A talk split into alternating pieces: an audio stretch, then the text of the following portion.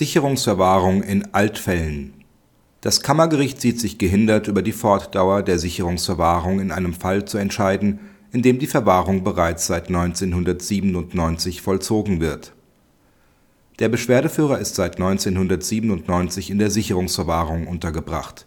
Seit Ablauf der ursprünglich zehn Jahre betragenden Höchstfrist im Jahr 2007 wurde mehrfach die Fortdauer der Verwahrung gemäß § 67d Absatz 3 Satz 1 StGB angeordnet.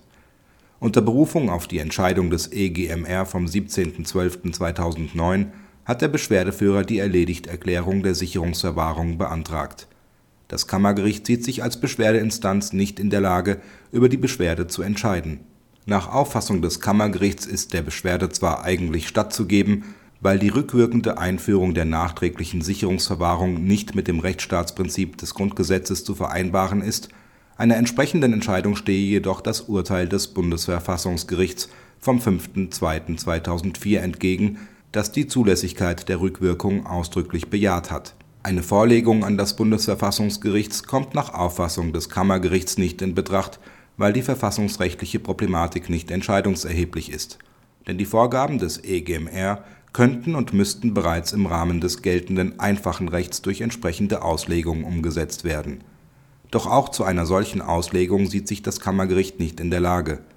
Denn ihr steht derzeit noch die Rechtsprechung des fünften Strafsenats des BGH und einiger Oberlandesgerichte entgegen, die eine rückwirkende Anwendung von § 67d Absatz 3 Satz 1 StGB unter bestimmten Voraussetzungen für zulässig erachten eine Vorlage an den BGH kommt gleichfalls derzeit nicht in Betracht, da der fünfte Strafsenat bereits im Hinblick auf seinen eigenen Vorlagebeschluss an den Großen Senat alle entsprechenden Vorlagen ruhend gestellt hat.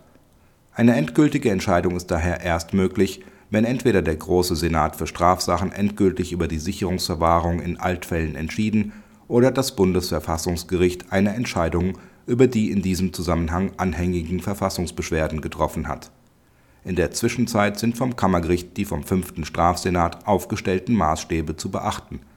Danach ist die Unterbringung in der Sicherungsverwahrung nicht für erledigt zu erklären, wenn aus konkreten Umständen eine fortdauernde hochgradige Gefahr schwerster Gewalt und Sexualverbrechen durch den Untergebrachten zu befürchten ist. Dies ist hier aber nicht der Fall.